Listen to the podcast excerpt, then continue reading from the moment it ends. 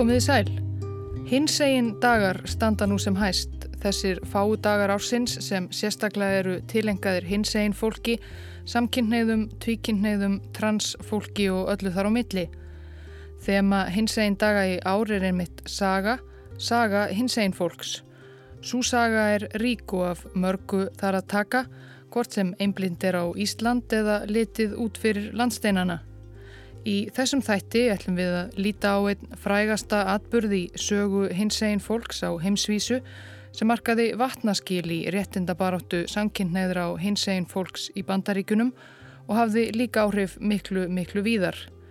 Þegar gestir á næturklúpi fyrir homma og hinsegin fólk í Greenwich Village í New York risu upp gegn lauruglumönnum sem ætluði að láta loka staðnum Stonewall óerðirnar sumarið 1969.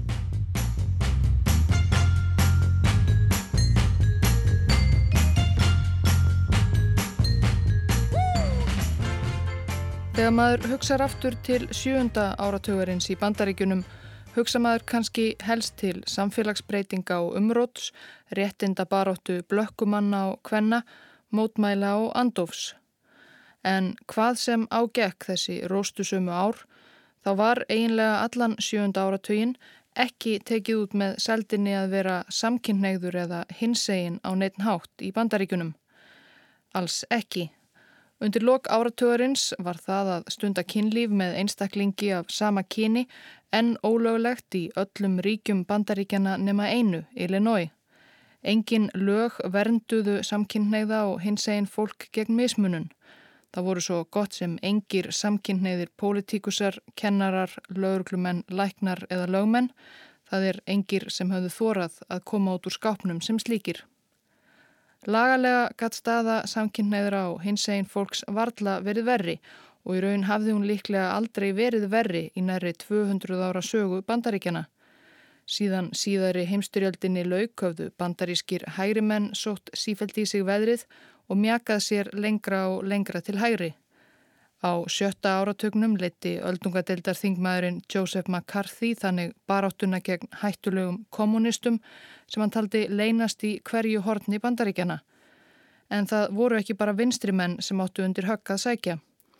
Lög og reglur sem snertu samkynneigð urðu líka sífelt strángari og harneskulegri.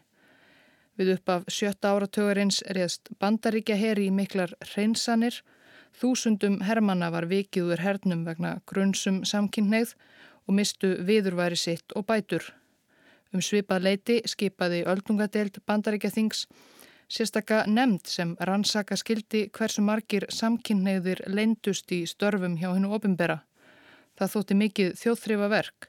Þingmaðurinn sem fór fyrir nefndinni, Clyde Hui, sagði einhverju sinni að ekki þyrti nema einn samkynneiðan mann til að menga heila skrifstofu. Árið 1953 skrifaði fórsetin Dwight Eisenhower undir tilskipun sem gerði hinnu ofinbera kleift að rannsaka starfsfólk og í kjálfarið vikja á starfi fyrir það sem kallað var öfugugahátt. Sömuleiðis á sjötta áratögnum greipum sig mikil skelving meðal almennings og yfirvalda vegna hættunar sem stafaði af barnanýðingum og í þessu eitraða andrumslofti rann þetta saman í eitt Þessir hættulegu öfugugar homar og lesbjur áttu að vera svo óviðráðanlega óeðlileg að þau lögðust á unga pilda og stúlkur, freistuðu þess að smita þau af eigin sjúkdómi. Engin var óhuldur. Homosexuality is an enigma. Even in this era of bold sexual mores, it remains a subject that people find disturbing. So no matter where you meet a stranger, be careful if they are too friendly. One never knows when the homosexual is about. Fullorðin einstaklingur sem var fundin segur um að hafa stundað kynlíf með einhverjum af sama kyni, sama þó það væri á hens eigin heimili og með samþykki begja, gæti átt yfir höfði sér sektir eða jafnvel fangelsistóma allt frá 5 til 10 ára til lífstíðardóms. Í einhverjum ríkjum þurfti ekki einu sinni aðtöfnin að sjálfa til, það var nóg að það teltist einhvern veginn sannað að viðkomandi væri kynvillingur. Í Pennsylvania og Kaliforníu gáttu slíkir kynferðis afbróta menn verið dæmtir til ævilangrar vistunar á geðsjúkrahúsi.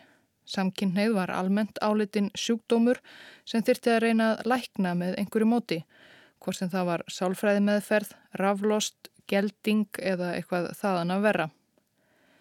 Í bóksinni um Stonewall óerðirnar skrifar sakfræðingurinn David Carter að árið 1961 hafi lög gegn samkynneigð og samkynneigðum í bandaríkunum í raun verið orðin strángari en á Kúpu, í Sovjetiríkunum og í Austur Þískalandi. Ríkjum sem bandarísk stjórnvöld gaggrindu gerðnan fyrir mannrettendabrót og hardræði.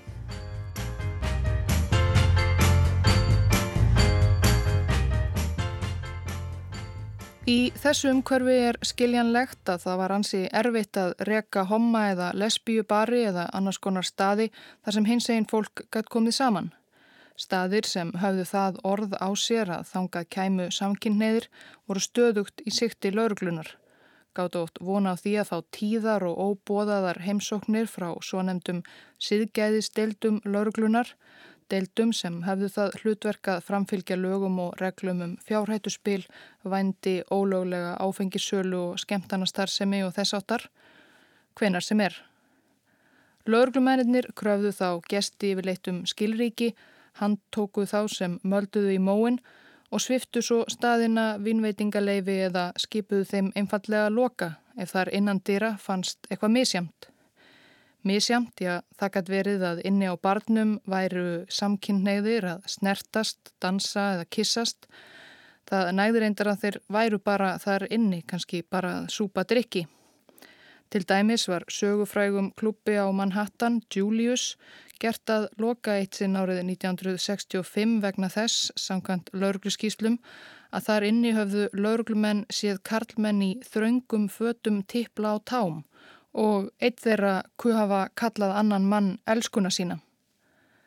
Julius klúburinn opnaði reyndar fljótt aftur eftir þetta áer en starfandi í dag, líklega elsti hinsegin klúbur eða bar í bandaríkunum. En þrátt fyrir þrálátar ofsóknir laurglunar vildi hinsegin fólk samt sem áður alltaf koma saman til að geta hitt sína líka, skemmt sér og dansað eins og aðrir.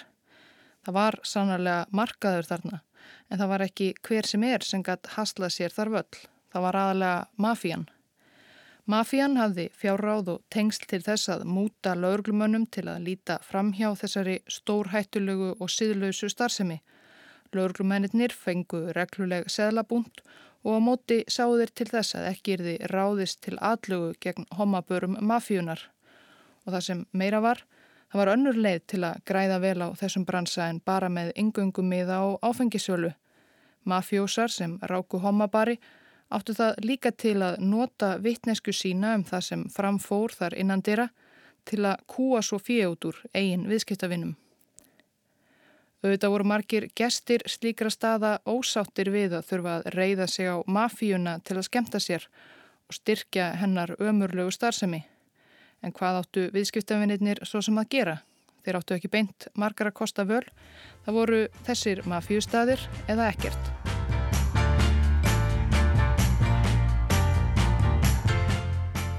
Árið 1967 vildi ungur mafjósasónur í New York, Tony Lauria, yfirleitt kallaður Tony Feiti, byrjað hasla sér völl í fjölskyldubisnesnum. Fjölskyldan var Genovese fjölskyldan, eins og stærsta og valdamesta af mafíu fjölskyldunum 5 sem skiptu New York á millisín. Tony ákvaða stopna klúb, Homma klúb, því í þeim business vissi Tony að veri hægt að græða á tá og fingri. Tony feiti var sér fljótt úti um áleitlegt húsnæði til rekstrarins.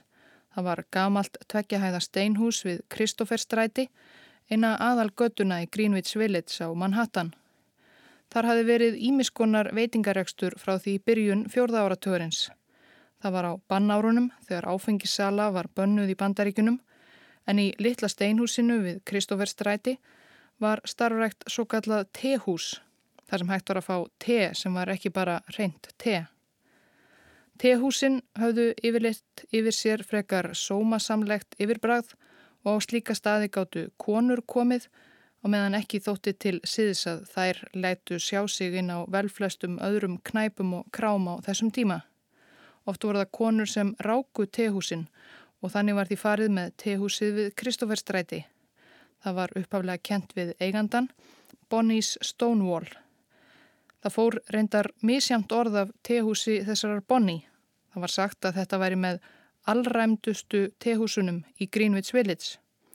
Sakfræðingar síðari tíma hafa leitað því líkum að þetta orðspor hafi Bonnies Stonewall kannski eignast því þangað hafi ekki bara hvaða áfengis þyrstu konur sem er vanið komur sínar, heldur konur sem voru sérstaklega á höttunum eftir samneiti við kynsistur sínar, það er lesbíur. Hvort svo hafi verið í raun er líklega erfitt að koma stað fyrir vissu nú, en kannski var eitthvað við steinhúsið við Kristóferstræti 52 sem gerði það að verkum að það átt eftir að komast í sögubækur hins einn fólks.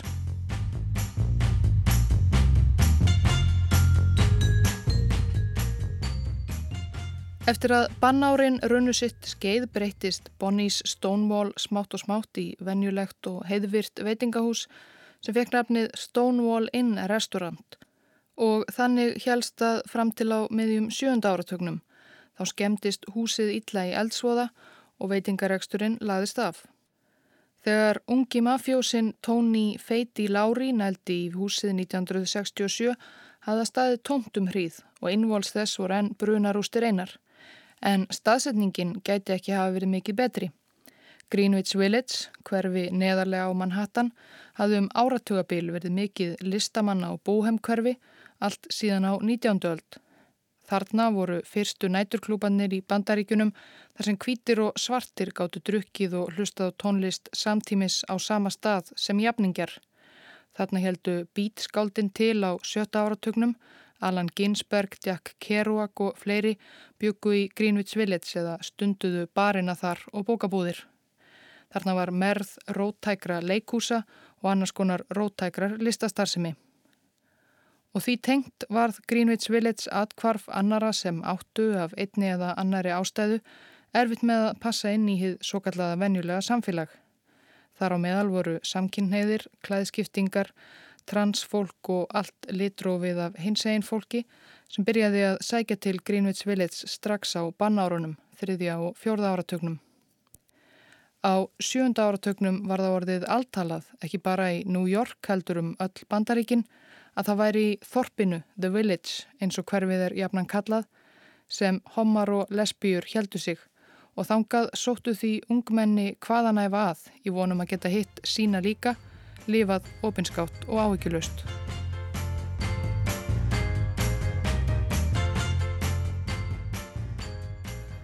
Tóni Feiti og félagar hans legðu húsið við Kristófer Stræti 52 á lítið sem ekkert en það var það ekki góðu ásíkomulagi þegar þeir tóku við því. Þeirra fyrsta verk var að mála alla vekki innan hús svarta. Það kuð hafa verið ákveðin tíska á hins einn klúpum á þessum tíma að hafa innréttinguna svarta en hendaði líka vel þarna því kolsvört málingin faldi brunaskemdirnar á vekkjunum vel. Hann lagði ekki mikið í innréttingarnar tóni feiti, korki peninga ný hugmyndaflug Þannig fekk staðurinn nafnið Stonewall Inn eins og veitingahúsið sem hafi verið þar til húsa því það var lang auðveldast að saga bara af hluta skiltisins við ingangin þar sem stóð restaurant. Metnaðurinn var lítill en það var mafíunni ekki sérlega vel til hins einn viðskiptavinna sinna nýja sérlega umhugaðum velferðira. Þeir sem ráku Stonewall hirtu lítið um húsnæðið. Það voru engar sérstakar eldvarnir og bara ein útgönguleið sem betur fer kom aldrei upp eldur í húsinu aftur á þessum tíma því það hefði á nefa getað haft hryllilegar afleðingar. Hreinlætismálum var líka mjög ábútafand. Það var til að mynda ekkert rennandi vatn. Í byrjun kvöldsins fylgtu barþjónarnir yfirleitt ótengtan vaskin við barina vatni og notuðu þess vatn svo til að skóla glösin allt kvöldið. Gripu tóm glös, dýðu þeim snöglega í gruggugt vatnið og fylgtu svo upp á nýtt fyrir næstu viðskiptavinni. Þetta gerði vist það verkum að livrarbólku faraldur kom upp einhverju sinni meðal viðskiptavina Stónvól. Og áfengið sem gestir fengu var líka hætti mafíunar og því yfirleitt útvatnað einhvers konar heimabrugg eða þýfi sem tappað var á fínar flöskur og selta á uppsprengtu verði. En þráttur allt þetta gekk businessin vel frá byrjun. Sagt er að Tony Feiti og viðskiptafélagar hans hafi grætt markfalda upphafsfjárfestinguna strax fyrsta kvöldið.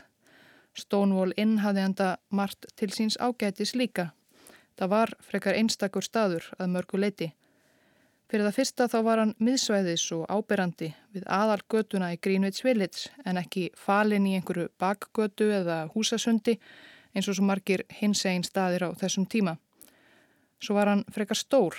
Það var þetta dansa í Stonewall. Það var ekki bara eitt heldur tvö rúmgóð dansgolf með sitt kvorum glimskrattanum og mismunandi stefnum.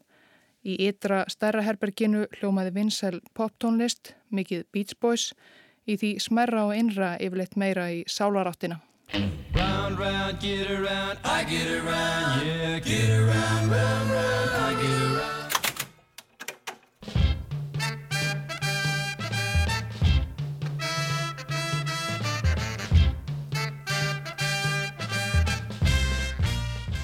Sama hvort herbergið maður valdi þá var þetta talsverð nýlunda. Flestir hins eginn barir á þessum tíma voru skuggalegar smáknæpur þar sem lítið rými var til að dansa hvað þá við nýjustu og ferskustu dægurtónlist. Stonewall var ekki með vinnveitingaleifi en það hefði það áraðanlega reynst torsótt fyrir klúpa þessu tægi að fá slíkt leifi og þá líklega til þess eins að verða fljótlega sviftur leifinu þegar einhverjum í New York lauruglunni ditti í hugað ráðast ákað inn og finna þar ótal karlmenn í ósýðlega þröngum fötum sem án Eva hafðu einhverju sinni ávarpað hver annan elskan mín.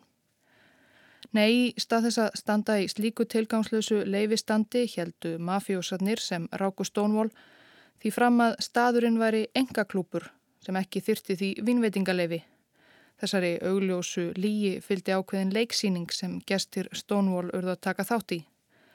Þeir þurftu til að mynda að skrifa nafnið sitt í gestabók við ingangin. Skiljanlega vildi engin í alvöru tengja nafn sitt við slíkan klúb á árum þegar fólki var miskunnulegst vikið úr starfi eða jafnvel fangjálsað fyrir minsta grunum samkynneið. Svo að fáir ef nokkrir notuðu sín réttu nöfn.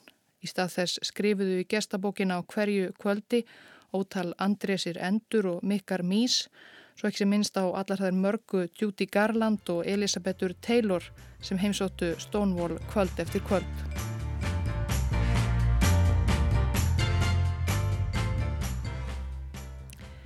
En sem sagt, þegar inn var komið, dunaði dansinn og það á tveimur dansgólfum.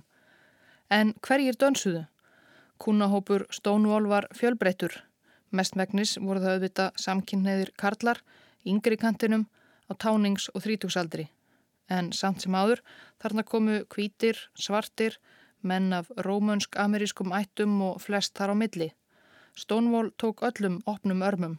Svo þangað fjölmendu þeir sem voru á jæðrinum jafnvel í samfélagi samkynneðra, dragdrótningar og klæðskiptingar og menn sem máluðu sig, klættuðu sig eða höguðu sér kvenlega, transfólk og líka konur og lesbjur af öllu tægi.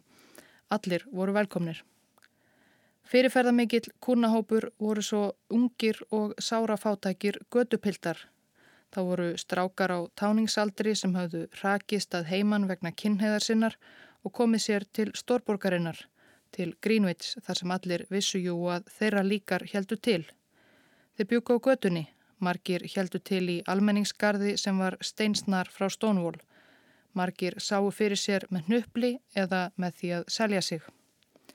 Þessum krökkum varð Stonewall svo miklu meira en bara bar ef þeir náðu að nördla saman þremur dólarum fyrir ingöngum miða og koma sér inn. Það var 18 ára aldurstakmark á barnum en strákarnir voru flestir með fölsuð skilriki. Þá gáttu þeir verið þarna á barnum fram til morguns í fjörugu andrumsloftinu með sínu fólki og fjari vetrarkuldanum eða sumarhittanum. Það varð annað heimili. Það er því kannski skiljanlegt að þessir piltar hafi brúðist ítla við þegar lauruglan knúði dýra og ætlaði að reka það út og loka þeirra eina atkvarfi. Á þessari næri hálfu öld frá uppreysninni í Stonewall hefur það orðið að deiluefni hverjir hafi verið meðal gesta barsins þetta örlagaríka kvöld og hverjir hafi leitt uppreysnina, hver hafi kastað fyrsta steininum. Það vakti reyði margra þegar kvikmyndum atbyrðina í Stonewall kom út fyrir ekki svo löngu. Hún heitir einfallega Stonewall í leikstjórn Roland Emmerich sem þekktar er fyrir Independence Day og aðrar Hollywood stórmyndir. Það vakti reyði að þar skildi það vera tilbúin persóna sem er í aðalhutverki, ungur piltur, kvítur á hörund og almennt hreitn og strókin á allan hátt. I already got you all figured out. Go up in Kansas and mama probably bake apple pies. Yo, everybody, this here's Danny. Danny, welcome to New York. Og hann fær auðvitað það hlutverk að leiða mótmælinn og kasta fyrsta steininum. Leikstjórin Emmerich var í kjölfarið sakaður um að kvítþvó söguna, kannski svo nýrði auðmeldari fyrir einn almenna bandaríska kveikmyndáhorfanda. Reyna að má út hlut dragdrottninga og fátækra gutupilta og svartara í uppreysninni sem markaði vatnaskil í réttindabaróttu sanginneira í bandaríkunum.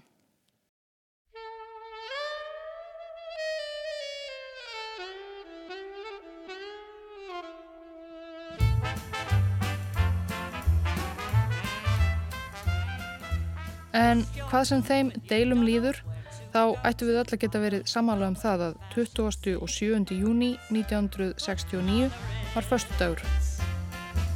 Different types who wear a day coat, pants with stripes and cutaway coat, perfect fits, putting on the ritz. Þennan sama dag hafði leik og söngkonan Judy Garland verið borin til gravar fyrir utan New York.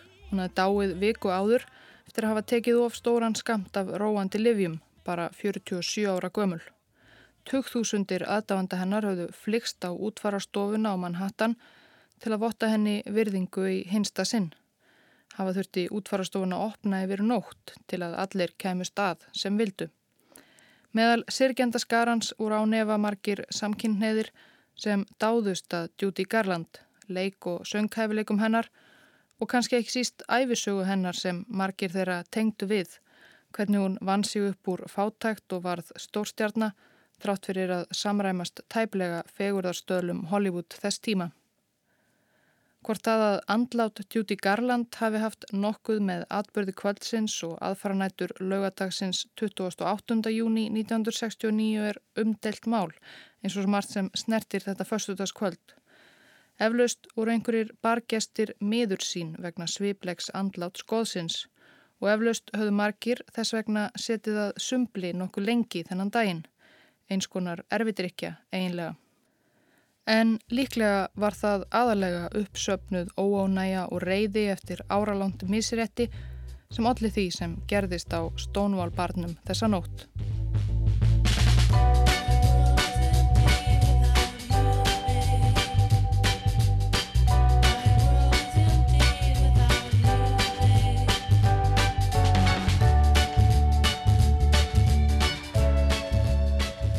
Dansinn hafi dunað sem aldrei fyrr á Stonewall langt fram á nótt.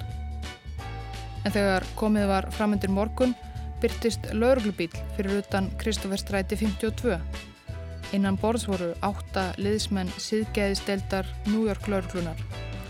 Síðgæðisteldin hafi nýlega fengið nýjan yfirmann sem þótti harður í hornataka og vildi líklega stimpla sig inn með því að ráðast gegn einum allræmdasta mafjústaðnum í Greenwich Village.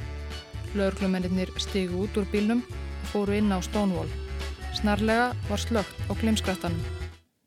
Svo voru öll ljós kveikt. Það var hefðbundna merki til bargesta að hætta að tala, hætta að dansa og hætta að snertast og kissast. Sterk ljósinn lístu upp svarta veggina og skítugt bargólfið. Á gólfinu stóðu skrautlegir bargestinnir reyfingalöysir eins og born í myndastittuleik.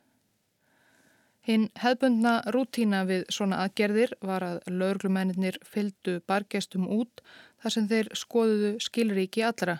Þeir sem ekki voru með skilríki eða vildu ekki reyða þau fram voru handteknir. Sumuleiðis þeir karlar sem klætust kvennmannsfötum því slíkt þóttu jú vera klárt brot á fjórðugrein refsilaga York ríkis nr. 24035 sem bönnuðu borgurum að vera á almannafæri grímuklættir eða á einhvern nátt dölbúnir í óvenjulegum eða óeðlilegum klæðum. Og lauruglumennir byrjuðu að leiða fólk út eitt af öðru. En hvað sem það var, þá var eitthvað öðruvísi við Stonewall og þetta kvöld. Þetta yrði ekki hefðbundin aðgerð fyrir lauruglumenn síðgæðisteildarinnar. Því fljótt fóru gestinnir að streytast á móti, vildu ekki framvísa skilríkjum, vildu ekki fara út. Ég hugsaði bara, ég vil ekki fara. Ég var að koma og nú er ég að fara. Og standa í byðröð og láta skoða skilríkin mín. Ég fann hvernig ég ólgaði að innan, varð reyðari og reyðari. Michael Feiter var 26 ára tryggingasölumæður sem hafði bara nýlega uppgötað galdra Stonewall og vildi síður að löggan lokaði þessum stað eins og þeir hafði lokað svo mörgum öðrum stöðum sem hann hafði heimsótt í gegnum tíðina. Hann vildi ekki fara út. En einhverjir fóru í fyllt með löglumönnum eða að eigin frumkvæði og á gangsettinni fyrir utan barinn sapnaðist fljótt saman mannfjöldi. Vegfærendur slóist í hópin. Siðgæðis lauruglumennir átta áttu von á liðsauka, öðrum lauruglubíl sem átti að flytja þá sem voru handteknir burt. En það varð einhver miskilningur og setni bílinn let ekki sjá sig. Fleiri og fleiri söpnuðust saman fyrir utan á bylinu 100 til 150 manns. Það var æsingur í mannfjöldanum og mikil reyði. Michael Feiter aftur. Við höfum það öll sameinlega á tilfinningunni að nú veri nóg komið á svona kæftæði. Það var ekki eitthvað ákveðið sem einhver sagði einhverjum öðrum. Það var bara einhvern veginn allt undanfærin ár sem liti að þessu ákveðna kvöldi á þessum ákveðna stað. Þetta voru engin skipiluð mótmæli. Þetta var sjálfsbrottið. Það var það indislega. Okkur fannst öllum eins og nú væri ekki aftur snúið. Þetta var síðasta halmstráið. Það var komin tími til að taka tilbaka eitthvað sem hefði alltaf verið tekið frá okkur. Þetta var bara eitthvað sem gerðist. Alls konar fólk, alls konar ástæður en aðalega var þetta bara reyði, sorg allt saman og svo held þetta áfram einhvern veginn. Það var eins og loksins hefði við frelsi eða allavega frelsi til að sína að við kröfðumst frelsis. Við höfðum ekkert frelsi í alvörni en ætlaðum ekki að læðast auðmjúkir um götur og láta ráðskast með okkur. Það var eitthvað í loftinu, langþráð frelsi og við ætlaðum að berjast fyrir því. Þegar liðsökin barsloks einhverjum mínútum síðar hafði fjölgað enni í hópi óerða segjana fyrir utan stónmól. Þetta voru núna orðinum 5-600 manns, allir ólgandi reyðir. Það hefði þurft enn fjölmennara lauruglið til að hafa heimil á þessum múg. Fólk var farið að henda flöskum, músteinum og öðru lauslegu í lauruglumennina. Þeir handteknu brutust um. Klæðskiptingurinn Robert Rivera kallaður Birdie. Lauruglumennir voru að leiða drottingarnar út af barnum og inn í bíl. Það var einn sérstaklega rosalega falleg með háa greiðslu eins og Elizabeth Taylor og hún baði lauruglumenninum að vera ekki að íta sér. En þeir heldu áfram að íta, svo hún snýri sér við og barði lauruglumannin með háhælaða skónum sínum. Hann lág killi flattur og hún leitaði svo á honum eftir liklunum að handjarnunum sem voru á henni. Hún fann liklana, losaði sig og rétti þá svo til annarar drottningar sem stóð fyrir aftanana.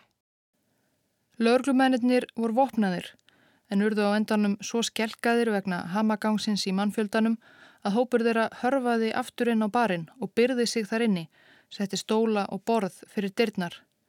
Einhverjir fyrir utan rifu upp stöðumæli úr gangstettinni og notuðu hann til að reyna að brjóta niður dyrnar. Lauruglufóringin Seymour Pine sem leti áhlaupið á Stonewall. Við vorum allir fagmenn en við vorum allir hrættir, ekki spurning. Ég var sjálfur hrættur og ég hef tekið þátt í hernaði en aldrei í lífinu hef ég orðið þess hrættur og ég var þessa nótt. Við gáttum hverki fljúið. Eftir að óerðirnar höfðu staðið í um 45 mínútur mætti óerðalörugla New York borgar á staðin, grá fyrir hjárnum, til að koma skikki á ástandið og frelsa kollega sína í siðgæðisteldinni sem voru enn fastir inn á barnum. Mannfjöldin var reyður, jú, en Reyðin var blönduð einhvers konar gáska eða galsa. Fólk hættist að óerðalauglunni. Söng, jável. Martin Boyce var 18 ára dragdrottning sem kallaði sig þá Miss Martin. 20 árum síðar, 1989, rifiðaði hann upp lægið sem hann söng þetta förstaskvöld með stallsýstrum sínum í viðtali við bandarískan útastátt. We are the village girls, we wear our hair in curls. We wear our dungarees above our Nelly knees. And the police went crazy hearing that and they just immediately rushed us. Svo tóku þeir höndum saman, mynduðu röð og veifuðu fótunum upp í loft, dönsuðu kan-kan mitt í þvögunni og lögurglumennir trilltust af bræði bætti Martin við. Þeir tóku upp kilvurnar og litu höggin dinja á dansdrottningunum og öllum öðrum sem voru þarna næri. Um klukkan fjögur að morgunni lögadagsins hafði óerða lauruglunni tekist að rekja alla frá Stonewall. 13 óerðasekkir höfðu verið handteknir. Yngverir voru svo illa slasaðir að þeir þurftu aðlýningu á sjúkrahúsi. Fjórir lauruglumenn höfðu slasast. Það dagaði og kyrð færðist yfir Kristóferstræti. En það var öðruvísi kyrð en venjulega. Um það voru allir sjónarvottar og þáttagendur í þessum atbyrðum samála. Það hafði eitthvað óvenjulegt og eitthvað merkilegt gerst þarna um nóttina. Orðið einhvers konar vatnaskil. Hins eginn fólk hafði staðið á sínu, látið í sér heyra og risið upp gegn kúrum sínum.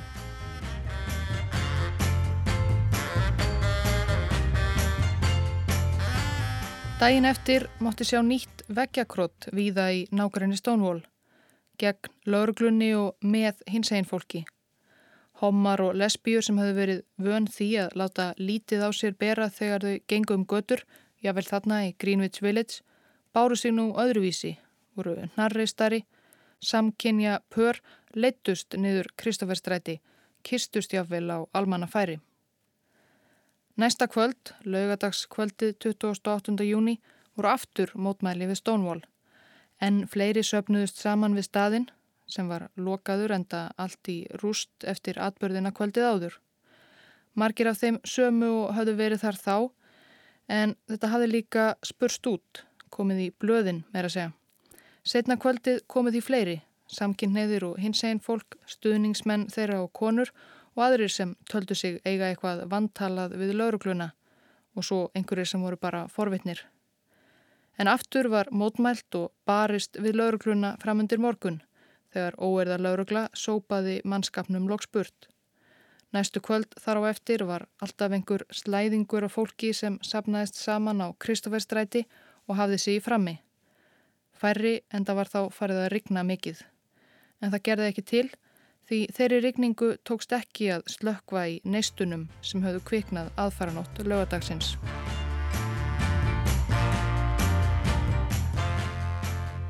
Auðvitað var það ekki svo að samkynneðir og hins eginn fólki í bandaríkunum hefðu aldrei áður reyndað krefjast réttinda. Árið 1950 hafði hópur samkynneðra Karla í Los Angeles stopnað baráttu samtökin Metagene Society Það var nefnt eftir leinifélögum sem finna mátti í Fraklandi og miðöldum. Hópar fólk sem klætust grímum og gáttu í skjóli þeirra leift sér ímislegt eins og gaggrína valdhafa.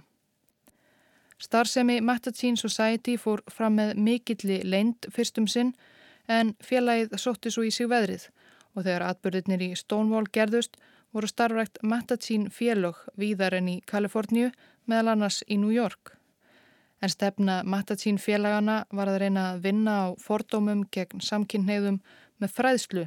Fræðslu sem miðaði aðalega því að reyna að sína gagkynneigðum fram á að þeir sem heitluðust af sama kyni væru ekki svo ólíkir þeim sjálfum. Það væri bara venjulegt fólk og ekki eindumir barnanýðingar og kommunistar og öfugukar. Liðsmönnum Matatín félagana gekk ánefa gott eitt til með þessari nálgun og félagsmenn áorkuðu ímislegt. Þeir gáfu út tímaritt, sáu til þess að fjalla var á hófsamari háttum samkynneið í almennum fjölmiðlum, dagblöðum og útvarpi og hafðu áhrif á umræðuna.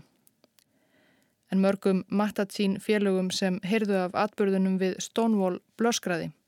Hér voru bræður þeirra og sýstur í baráttunni að gera allt þver öfugt við það sem þeir höfðu unnið að svo lengi, vekja á sér neikvæða aðtegli bjóða valdtöfum byrgin í stað þess að reyna að vinna með þeim og sína alþjóðað þrátt fyrir allt þá væru samkynneðir eintómir ofbeldis fullir furðuföglar. Og þeir sem hafðu horst í augu við vopnaðar lauruglumennina við Stonewall voru heldur ekki sérstaklega á þeim buksunum að halda síðan baráttunni áfram með eintómu kurteisishjali.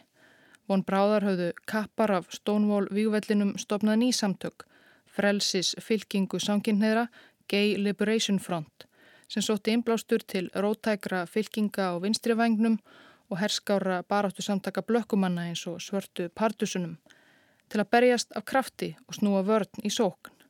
Frelsis fylkingin varð skamlíf en hafði þó mikil áhrif á það að breyta gangi réttindabaróttu samkynneira, gatt af sér og veitti innblástur öðrum fylkingum og samtökum í bandaríkunum og víðaðum heim.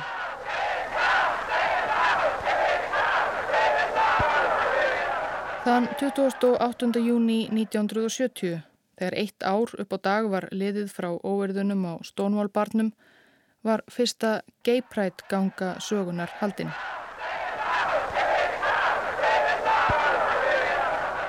Þúsundir tóku þátt, gengu frá Kristofferstræti til Central Park, rópuðu slagorð og veifuðu skiltum. Þetta var allsengin stutt vegalengt um 50 húsalengjur þvert í gegnum Manhattan. Hersingin var talsvert fljótari á leiðinni en gert hafi verið ráð fyrir því flestir þáttakendur voru skiljanlega nokkuð tauga ástyrkir og vildu haska sér til öryggis. En gangan fór að flestu leiti mjög vel fram, mörgum þáttakendum til nokkurar undrunar. Atbyrðana í Stonewall var þá líka minnst í Los Angeles, San Francisco og Chicago og árið eftir 1971 voru gay pride göngur í Boston, Dallas og Milwaukee og hreyfingin hafi þá líka náð út fyrir bandaríkin. Það var gengið í Lundunum, París, Vestur Berlín og Stokkólmi. Árið eftir það bættust við enn fleiri borgir og enn fleiri lönd og þannig hefur þetta gengið síðan. En í dag eru prætgöngur og viðburðir þeim tengdir viðast hverjum heim yfirleitt í júni til að minnast brautriðjandana í Stonewall og alltaf fjölgar í fjölda þáttakenda.